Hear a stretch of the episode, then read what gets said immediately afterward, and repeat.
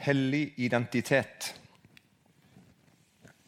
Når Gud gir israelsfolket de ti bud Det leser vi om i 2. Mosebok kapittel 20 og vers 1. 2. Mosebok 21.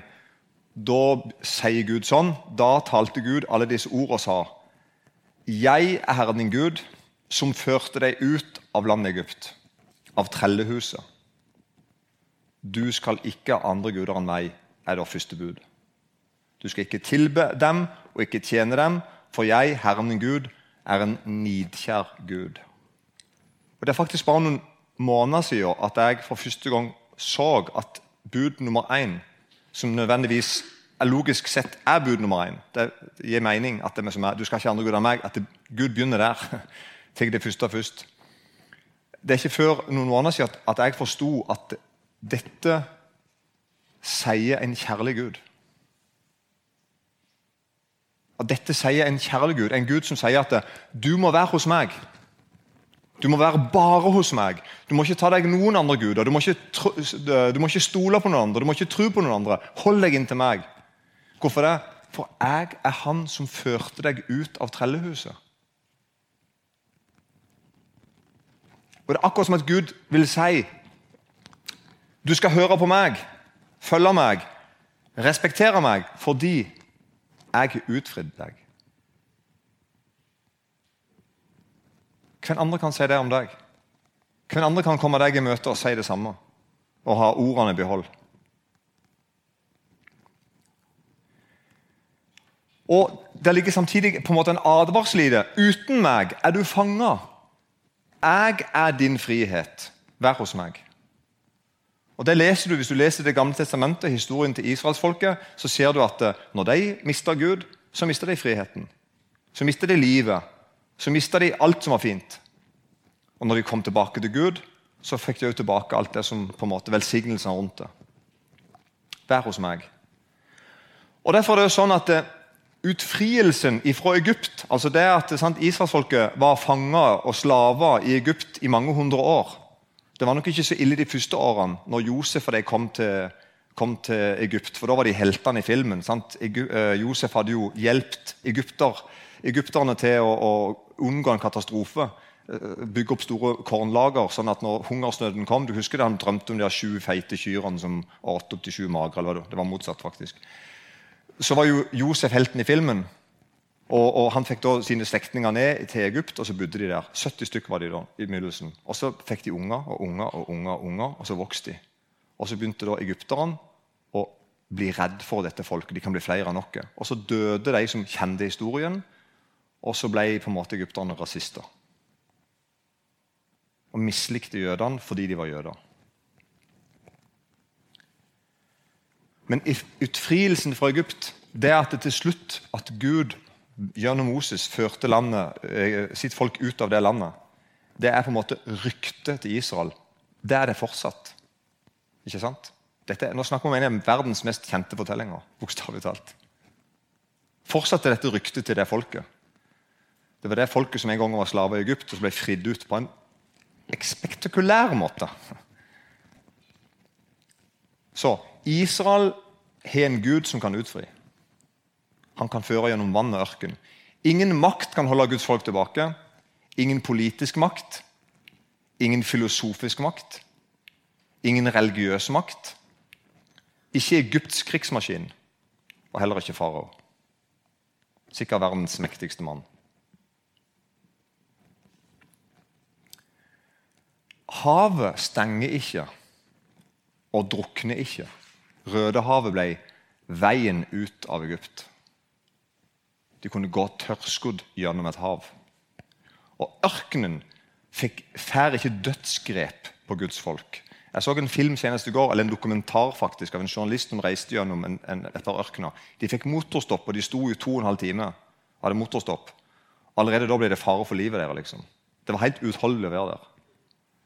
Israelfolket levde og bodde med hele familien. En haug med gamliser og babyer og ungdommer. Full pakke i 40 år. Det er en demonstrasjon uten sidestykke. De kan gå 40 år i ørken, de kan bekjempe enhver fiende, Det gjorde israelsfolket. Og de tørste heller ikke i hæl, og de får manna, brød fra himmelen, som de kan ete i 40 år. Så folket hans sitt, altså Guds folk, er så stor som han er. Er det ikke meg? For det at han er deres Gud. Skal du si noe om israelsfolket, hvor store de er, hvem de er, hvordan de er, så må du automatisk si masse om Gud. Du vil egentlig, dypest sett si egentlig bare en haug ting om Gud. Det går ikke an å skille Guds folk ifra Gud. Da blir de bare folk.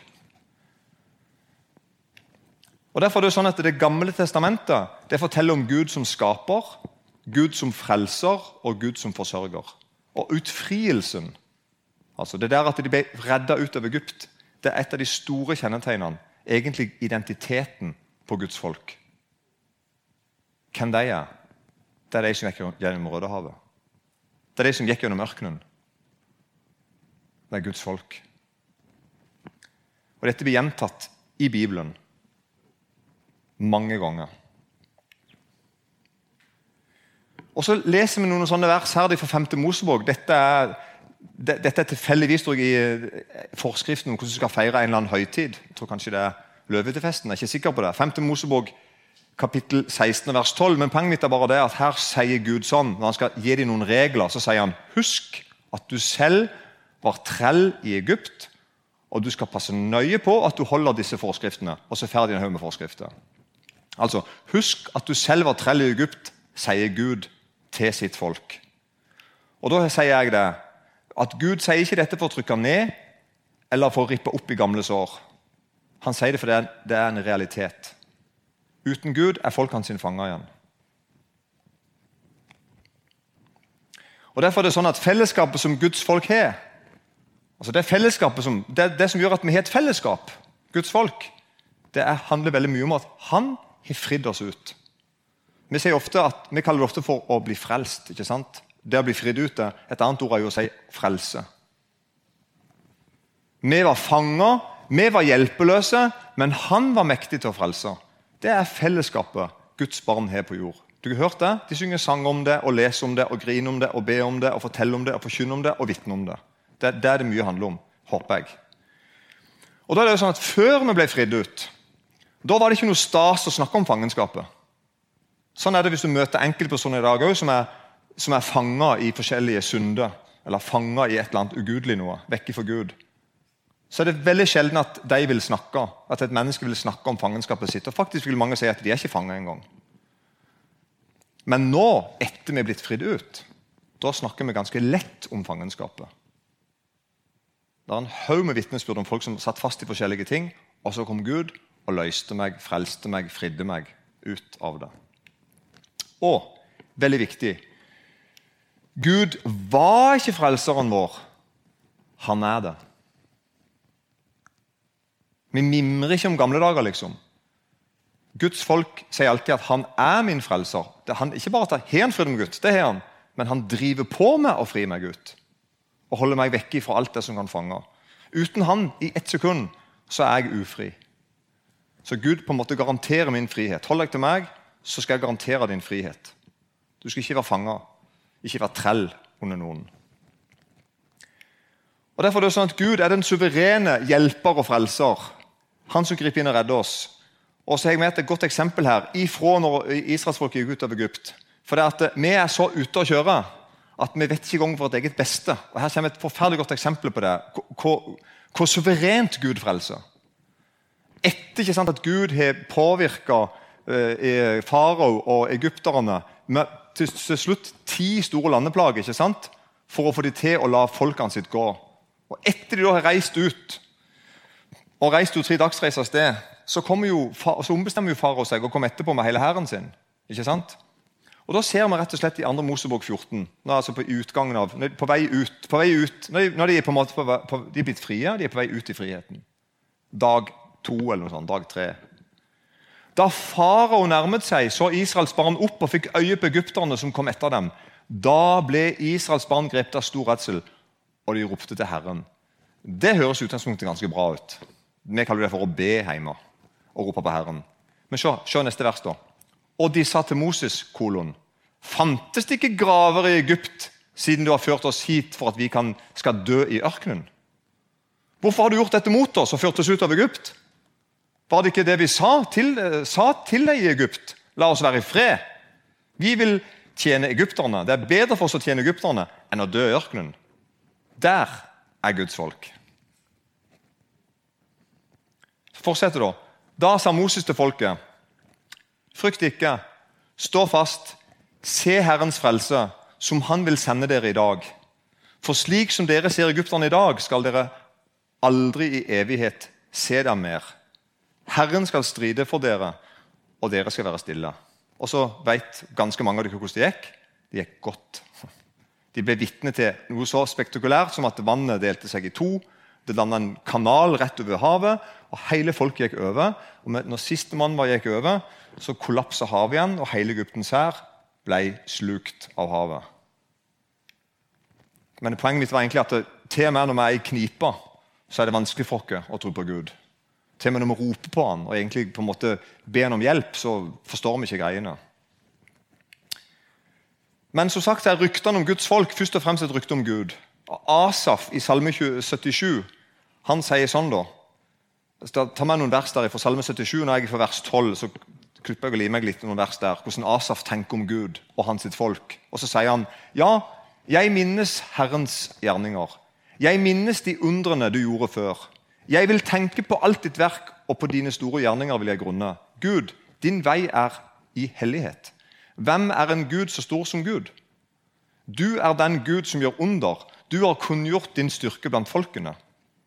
Du har forløst ditt folk med velde, Jakobs og Josefs barn. Sela. Vannene så deg, Gud. Vannene så deg og bevet. Ja, avgrunnene skalv.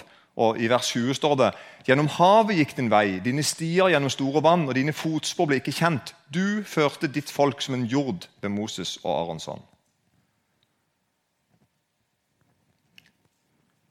Ryktene om oss, og med oss så mener jeg ryktene om du som hører Jesus til i dag, ryktene om du som kaller deg selv for et Guds barn, og som er det, ryktene om deg er det samme som det var for israelsfolket. Skal du ikke ta en sånn fin rykteplass i Kolosserbrevet 1.13? Det kan bli sagt om deg. Han er den som fridde oss ut av mørkets makt og satte oss over i sin elskede sønns rike. I ham har vi forløsningen, syndenes forlatelse. Jeg leser det en gang til. Dette kan bli sagt om du som hører Jesus til. Han er den som fridde oss ut av mørkets makt og satte oss over i sin elskede sønns rike. I ham har vi forløsningen, syndenes forlatelse. Ryktet om deg er rykte om altså rykte, da mener jeg altså i, som kan bli sagt om deg, er, er han som fridde deg ut. Så jeg er han som Gud måtte fri ut. Jeg er han som Gud elsker. Israels Gud er min Gud. Det er en drøy påstand, men det er helt sant. Og Derfor er også vår selvforståelse vi som hører Jesus til i dag, det er, den, det er den, den samme som han var før. At vi er et folk som er frelst. Det er noe av det første vi må si hvis vi kan fortelle hvem er dere for noen folk. Jo, vi er et folk som er fridd ut fra mørkets makt, og som er blitt satt over i Hans Sønns rike. Det er ofte sjelden jeg sier det akkurat sånn, for det er veldig omstendelig ut, men det er jo det jeg egentlig sier. Når jeg sier at jeg er frelst, jeg hører Jesus til, eller ikke sant, tro på Gud, det, så det er det det vi mener. Jeg er fridd ut. Jeg har en frelser. Og jeg er frelst. Men jeg må si noe mer.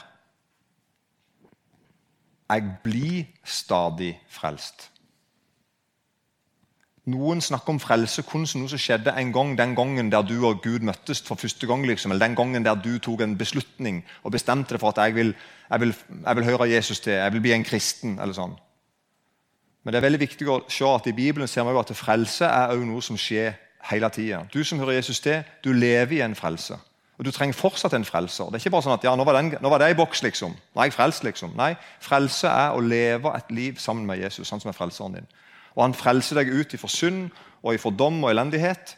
Og han er, han er, frelseren din og redningsmannen din. Både jeg skulle til å si rent praktisk, men det er jo sånn åndelig talt. altså. Innenfor Gud og, og, og her på jord. Du blir stadig frelst. Og en ting til du skal frelses helt hjem. Noen ganger i Bibelen så blir, blir ordet 'frelst' brukt som når vi står hjemme i himmelen og alt er forbi. på en måte. Alt på jorda er forbi, og det er endelig. Vi kan kalle det for evig frelst. Så Sånn forstår en kristen, et Guds barn, det. Jeg er frelst, jeg blir frelst, jeg skal frelses. Sånn er min Gud. Han er alltid hos meg, alltid med meg. Og Derfor er det sånn at vi må ikke glemme hvem vi er. Det Satan vil gjøre med det jeg har sagt til nå, er bare å plukke det i fillebiter. Først med å si at ja, det er noe å skryte av, eller det høres teit ut, eller tror du det er riktig, eller sånn. Altså på en eller annen måte plukke det ifra. Eller, ta, eller du kan være du syns det er bra, og så blir det plukka ifra deg. Glem det, liksom. Dette er ikke noe å lage noe nummer av. Men det er faktisk noe å lage noe nummer av. Jeg er tatt ifra mørkets rike og over i Hans Sønns rike. Jeg var før død, er jeg levende. Det er en vanvittig forandring som har skjedd i livet mitt. Og Nå skal vi bare lese litt fra 1. Peters brev. Og Det som er interessant med 1. Peters brev, det er at det er et brev skrevet til, til forfulgte kristne. Kort fortalt. Det begynner sånn allerede i vers 1, blir det vel, 1. Peters brev, kapittel 1 og vers 1. Så står det der at Peter, Jesu Kristi apostel, altså han der, der du ikke vet han er, han Peter Peter, det er han som skriver brevet. Og så skriver han, sier han sjøl, til de utvalgte. Han begynner med en gang med det. Det er det første han sier om dem. Han vil minne om en gang. dere er de utvalgte. Hva det vil si? Dere er de som Gud elsker. Og så, kommer det med en opplysning. Dere som er utlendinger og spredd omkring. og Så kommer det navnet på en del plasser som i dag ligger i Tyrkia. Altså De var, de var fordreven ut av der de kom ifra og måtte flykte langt av sted. Og hovedsakelig fordi de var kristne og ble forfulgt for sin tro. Og De hadde det ikke fint, veldig mange av de. Familien ble, ikke sant? Mange ble skilt fra eh, venner og kjente. Noen mista livet. De fleste var fattige, måtte gå ifra alt de eide og flytte til en annen plass. De bodde som fremmede i et annet land. Og Så skriver nå Peter et brev. Og for å være helt ærlig, Hvis jeg hadde vært i Peters sko det hadde jeg selvfølgelig ikke, og da hadde jeg sikkert gjort det Peter gjorde, men du ikke skjønner, hvis jeg, jeg tenker at hvis jeg skulle skrevet et brev til en gjeng som jeg hadde forkynt et budskap til, som hadde satt deg i store problemer Det er det Peter har gjort. ikke sant? Peter og deg har forkynt et budskap som har ført til at dette er et folk med store problemer. Jeg tror at Hadde, hadde jeg skrevet brevet, tror jeg fort jeg hadde skrevet sånn Sorry, eller noe sånt. Eh, dumt at det gikk sånn. Eh, håper du ikke har det greit. Eh, og Sendt meg noen tips, linker til Nav, kanskje. eller et eller annet. Og så prøvde jeg å hjelpe dere på en eller annen måte. ikke sant? Og så hadde jeg kjent på sånn en Hva det jeg har vært med på å stelle i stand? Jeg, hadde, jeg tror jeg hadde det. Her kommer jeg og gitt dere Jesus, og så har dere en haug med problemer. Økonomiske problemer, sosiale problemer, helseproblemer. Bo i et fremmed land, er utlendinger. Men Peter han bare kjører på og skriver for det første til de utvalgte. Og så utdyper han hva han mener med det. Utvalgt etter Guds, Gud Faders forutviten, i åndens helliggjørelse, til lydighet og til bestenkning med Jesu Kristi blod, kolon, nåde og fred være med dere alle i rikt mål. Der, der er Peter. Nå skriver han brev til de forfulgte kristne. Og Se her hva Peter gjør. Han sier videre.: Lovet være Gud, vår Herre Jesu Kristi Far, som etter sin store miskunn har gjenfødt oss til et levende håp ved Jesu Kristi oppstandelse fra de døde. Han bare skjærer rett gjennom og sier at vi tror på en frelser som er stått opp ifra de døde. Og vi har en arv som er uforgjengelig og uflekka og uvisstelig, og som er gjemt for dere i himlene. Og Det siste der har jeg blitt veldig glad i det siste. Jeg har en arv. Jeg òg har det. Du òg, som Jesus det. Jeg har en arv og den er gjemt i himlene. Hvorfor det? Jeg tenker iallfall én grunn. Ingen kan ta den ifra meg. Han er gjemt i himlene. Men det er min arv. Dere som ved Guds makt blir holdt oppe ved tro, til den frelse som er ferdig til åpenbart i den siste tid. Peter minner Guds folk på hvem de er. Det vil jeg òg gjøre. Jeg vil vinne deg på hvem du er. Og så fortsetter han. Dere, derfor jubler dere av glede, sier han da.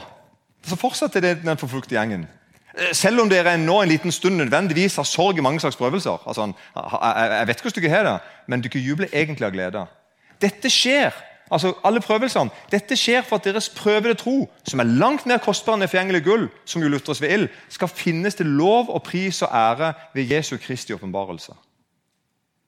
Han sier til dere at det dere opplever nå, stå i det. Det gir mening. Tro meg. Du er ikke, du er ikke, du er ikke forlatt av Gud, du er ikke utvalgte. Du er ikke elsket, du er ikke fridd ut. Bare tro meg på det.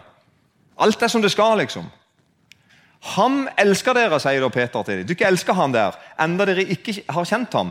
Ham tror dere på, enda dere nå ikke ser ham. Og dere fryder dere med en usigelig herliggjort glede når dere vinner fram til endemålet for deres tro. kolon, Sjelenes frelse. Peter setter opp et perspektiv. Sjelenes frelse. Og han kaller det for endemålet for troen. Er du på den? Altså Det siste som skal skje, det er at du i dag tror på Gud. Endemålet for det du holder på med. Å tro på Gud, og dyrke Gud, og følge Gud, og lese om Gud, og ære Gud, og elske Gud, og leve med Gud. Endemålet er sjelenes frelse. Du skal bli frelst.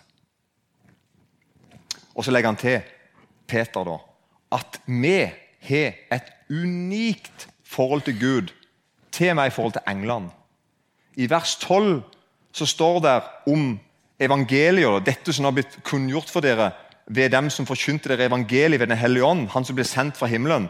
Dette som englene trakter etter å skue inn i. Er dere med på det uttrykket der? Peter sier at englene, Gud sine gode engler, står i himmelen og trakter, altså lengter etter å se inn i og være elsket av Gud. Sånn som vi menneskene. Være kjøpt av Gud, være fridd ut av Gud. Det er ikke englene. Englene, englene er hellige skapninger som, som, på en måte har, et godt fellesskap med Gud. De er hans tjenere, de elsker æren, og de har det ikke fælt i det hele tatt. Og så, så ser de plutselig noen mennesker som har opplevd å bli kjøpt av Gud sin egen sønn. De ser plutselig noen mennesker som altså, Gud har ofra sin egen sønn han gikk i døden, for at han skulle ha fellesskap med dem igjen. Og Da sier England det, det vet ikke vi hva er det, det, altså det, kjenner ikke vi til. Vi, har aldri blitt kjøpt av Gud på den måten. Vi har alltid bare vært hos Gud. Vi har noe som ikke engang englene har. Du som hører Jesus til, enten du tror det eller ei akkurat nå, der står noen engler og tenker Tenk hvis jeg hadde hatt det du har. Åh, menneskene, De frelste menneskene de har en sang. De har en innstilling og en hengivenhet til Gud som ikke de ser andreplass. Det er vi frelst. Vi er fridd ut. Og Dette skal du ta til deg. Rett inn i din situasjon nå. Det er nå som teller. Det gjelder for deg nå. Det er ikke ute med deg. Du er Guds eiendom. Du er den utvalgte. Du er den elska. Ok, Fortsatt i, i Peters brev. Etter at han minner dem på hvem de er, og på hvem Gud er, sånn som jeg nå prøvde å gjøre litt, jeg òg, så går Peter rett på sak. Og så er overskriften i min bibel sånn. Når vi var kommet 13 vers ut i brevet, kapittel 1 Han skriver til folk som har det forferdelig. Så sier han egentlig jubler du ikke av glede. Ok, du ikke er det vanskelig akkurat nå, men det må du ikke bare stå i. Men egentlig er det ikke sånn og sånn. Og sånn og sånn. Og så kommer han da altså i vers 13. Vær hellige i all deres ferd. Og Her er poenget mitt. da. Her er det ikke sjølmedlidenhet eller sukking over dårlige tider. Ikke sant? Her kunne, vi tenkt, her kunne vi tenkt dere at, at, at gi disse folkene litt slekt. da. De har det ikke, de ikke, akkurat bra. Det er ikke rart om disse folkene ikke er glad for tida og ikke elsker nesten sin som seg sjøl. Ikke sant? Men han bare, Peter går på og sier i vers 13 som sagt, Bind derfor opp om dere, om deres sinn, vær edru og sett deres håp fullt og fast i den nåde som dere får i Jesu Kristi åpenbarelse. Som lydige barn må dere ikke skikke dere etter de lystene som dere før hadde, i deres uvitenhet, men vær etter den hellige som kalte dere også dere hellige i all deres ferd. Det sier Peter. Og så siterer han Gamletestamentet og sier sånn For det er skrevet Dere skal være hellige, for jeg er hellig. Hvis en Guds barn blir spurt om hvorfor skal du leve hellig, så svarer vi fordi Gud er hellig. Derfor er jeg hellig. Og Så fortsetter han da i kapittel 2, vers 1. Legg derfor av all ondskap, all svik og hykleri, misunnelse, all baktalelse. Som nyfødte barn må dere lengte etter den uforfalskede åndelige melken, for at dere ved den kan vokse til frelse, så sant dere har smakt at Herren er god.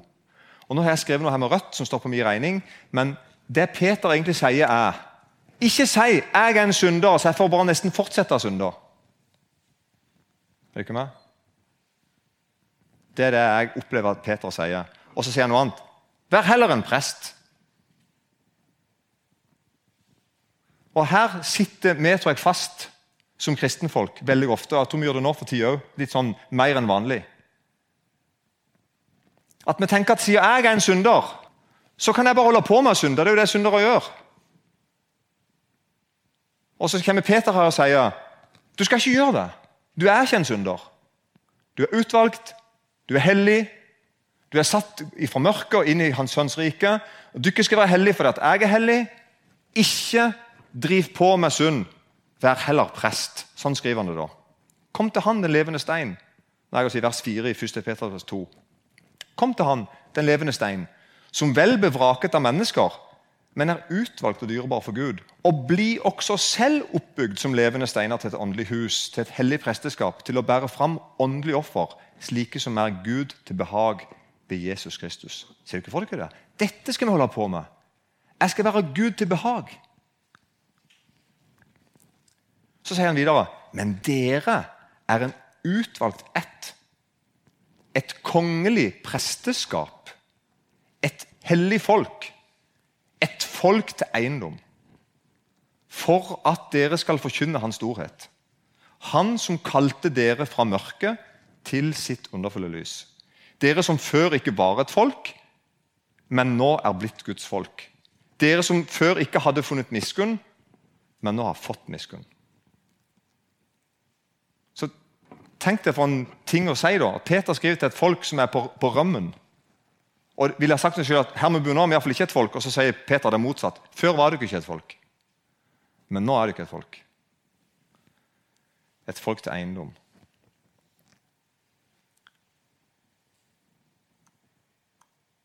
Kjære Jesus, velsigne deg sagt for navnet ditt skyld.